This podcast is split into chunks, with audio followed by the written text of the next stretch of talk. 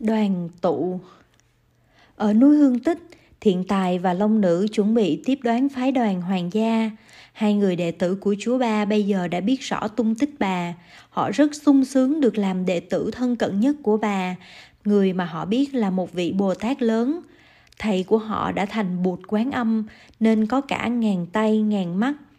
Nhận thức và hành động của bà thật là quảng đại, không thể đo lường cho đi hai cánh tay và hai con mắt mà pháp thân của bà vẫn không hề suy xuyển. Hóa thân của bà còn là vô số vô biên. Sáng hôm đó, biết là phái đoàn hoàng gia nước hương lâm tới, nên hai anh em thiện tài và long nữ đã đợi sẵn ở bến đục với một chiếc thuyền rộng. Hai người giả làm người đưa thuyền, họ rước vua, hoàng hậu và hai công chúa lên thuyền. Đoàn tỳ tùng phải ở lại bến để đợi lệnh thuyền lướt nhẹ trên dòng sông im lặng. Hai người chèo thuyền cũng lặng thinh. Ai cũng lặng yên ngắm trời, ngắm mây, ngắm núi, ngắm nước. Cảnh tượng hương sơn thật là thanh tú, màu nhiệm.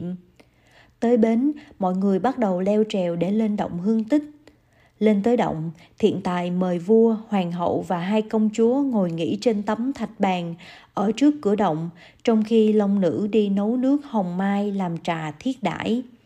Trên núi hương tích có rất nhiều gốc mai già cằn cỗi. Ba thầy trò đã đốn những gốc mai ấy và chẻ ra làm trà uống rất thơm. Họ gọi đó là thiền trà.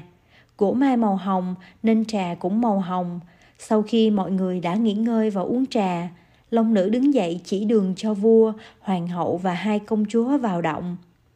Sư em long nữ đã được lệnh phật bà đứng hầu ngoài cửa động với sư anh thiện tài vua, hoàng hậu và hai công chúa từ từ tiến vào trong động. Cảnh tượng trang nghiêm và lặng lẽ. Tuy họ đi rất nhẹ, mà bước chân họ vẫn có âm vang vào trong động sâu thẳm. Muôn ngàn thạch nhũ rủ xuống, như những chiếc màn từ trận động buông xuống đủ màu. Ánh sáng yếu dần. Mọi người dừng lại trước một cái rèm thạch nhũ như ngăn cách động trong và động ngoài. Đứng phía trước rèm, vua diệu trang kính cẩn lên tiếng chào vị tiên nhân đã từng cứu mạng mình. Chúng tôi là phái đoàn hoàng gia nước Hương Lâm, kính cẩn xin ra mắt tiên nữ. Những âm thanh vang vào vách động và vọng lại tai bốn người, sau đó là im lặng không có tiếng trả lời của Bồ Tát. Vua nhìn hoàng hậu bảo nhẹ. Trẫm là đàn ông không tiện đi vào sau rèm. Hoàng hậu thử đi vào phía trong xem tiên nữ có mặt trong ấy hay không. Hoàng hậu tuân lệnh vua, một mình rón rén bước vào phía bên kia bức màn thạch nhũ. Động trong êm mát và thâm nghiêm, nhưng lại tối hơn động ngoài. Định thần rất kỹ, hoàng hậu thấy đứng trên bệ đá là một người con gái tóc buông dài phía sau lưng. Hai mắt bị khoét, hai cánh tay bị chặt cụt, máu đang chảy từng giọt xuống nền thạch động. Bồ Tát Diệu Thiện đã hóa thân làm chú ba hồi còn 19 tuổi để cho hoàng hậu có thể nhận ra đó là con gái út của mình. Nhận ra được tiên nữ vốn là chúa ba, hoàng hậu xúc động kêu lên một tiếng và ngã ra bất tỉnh. Nghe tiếng kêu, hai công chúa Diệu Thanh và Diệu Âm lật đật chạy vào. Thấy hoàng hậu ngã lăn bất tỉnh, họ vội vàng chạy đến đỡ hoàng hậu dậy. Vua Diệu Trang cũng vội vã chạy vào. Hoàng hậu đã tỉnh, Bà khóc lóc trong vòng tay hai người con gái lớn. Nhận ra chú ba trong tình trạng không mắt, không tay, vua cũng xúc động ôm mặt khóc. Vua đâu có ngờ con gái út của mình còn sống sót, đã thoát được ra nước ngoài để tu hành cho đến thành bục, thành tiên. Chú ba từ trên bệ đá cũng bước xuống, chú mời mọi người ngồi trên những cái bệ đá. Rồi chú kể cho cha mẹ và hai chị nghe về cuộc đời tu học của mình. Vua rất lấy làm ân hận, vua nói Cha đã lầm đường lạc nẻo, may nhờ có con tu hành đắc đạo nên không những đã cứu mạng cha mà còn cứu được cả quê hương. Con ơi, vì lỗi lầm của cha mà nay con đã trở thành không mắt, không tay. Cha biết phải làm sao để con khôi phục lại hình hài như cũ. Nói xong vua úp mặt trong tay khóc, chúa ba thưa.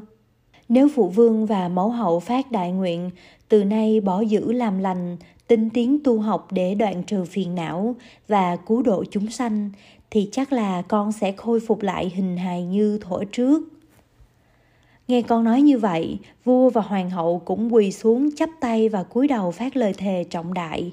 Vua trang trọng hứa, lạy chư bụt mười phương, chúng con xin nguyện từ đây sẽ nỗ lực tu học để diệt lần tham lam, sân hận và si mê. Xin cố gắng hết sức để bảo vệ sự sống cho mọi người, mọi loài. Khi vua và hoàng hậu ngẩng đầu lên thì phép màu đã hiển hiện. Công chúa Diệu Thiện đã khôi phục được hai mắt và hai tay, hoàn toàn lành lặn như 10 năm về trước. Cả bốn người mừng rỡ, tới ôm lấy công chúa khóc. Sau đó công chúa trở về với hình thức sư cô và an tọa uy nghiêm trên bệ đá với tư cách một vị đại Bồ Tát đã chứng ngộ đạo màu. Vua, hoàng hậu và hai công chúa lớn ở lại học đạo với Bồ Tát Quán Âm Diệu Thiện trọn một năm trời trước khi lên đường trở về quê cũ. Tiếng đồn tại núi Hương Tích có người tu hành đắc đạo cứu độ được cho vô lượng vô số chúng sanh đã lan rộng từ tỉnh Hà Đông đến các tỉnh kế cận và lên tới Kinh Đô.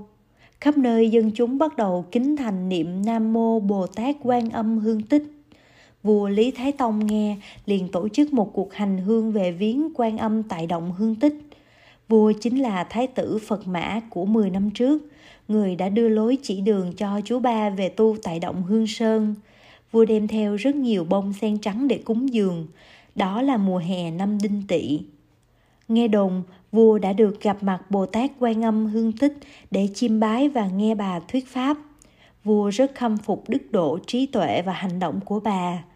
Về triều, vua ban chỉ bố cáo cho thần dân khắp xứ Đại Việt là một đức Bồ Tát Quan Âm đã tu hành đắc đạo ở nước Đại Việt. Danh hiệu của bà tại đây là Đức Quan Âm Hương Tích. Sau này dân địa phương đã lập chùa trên núi Hương Tích và gọi là chùa Hương.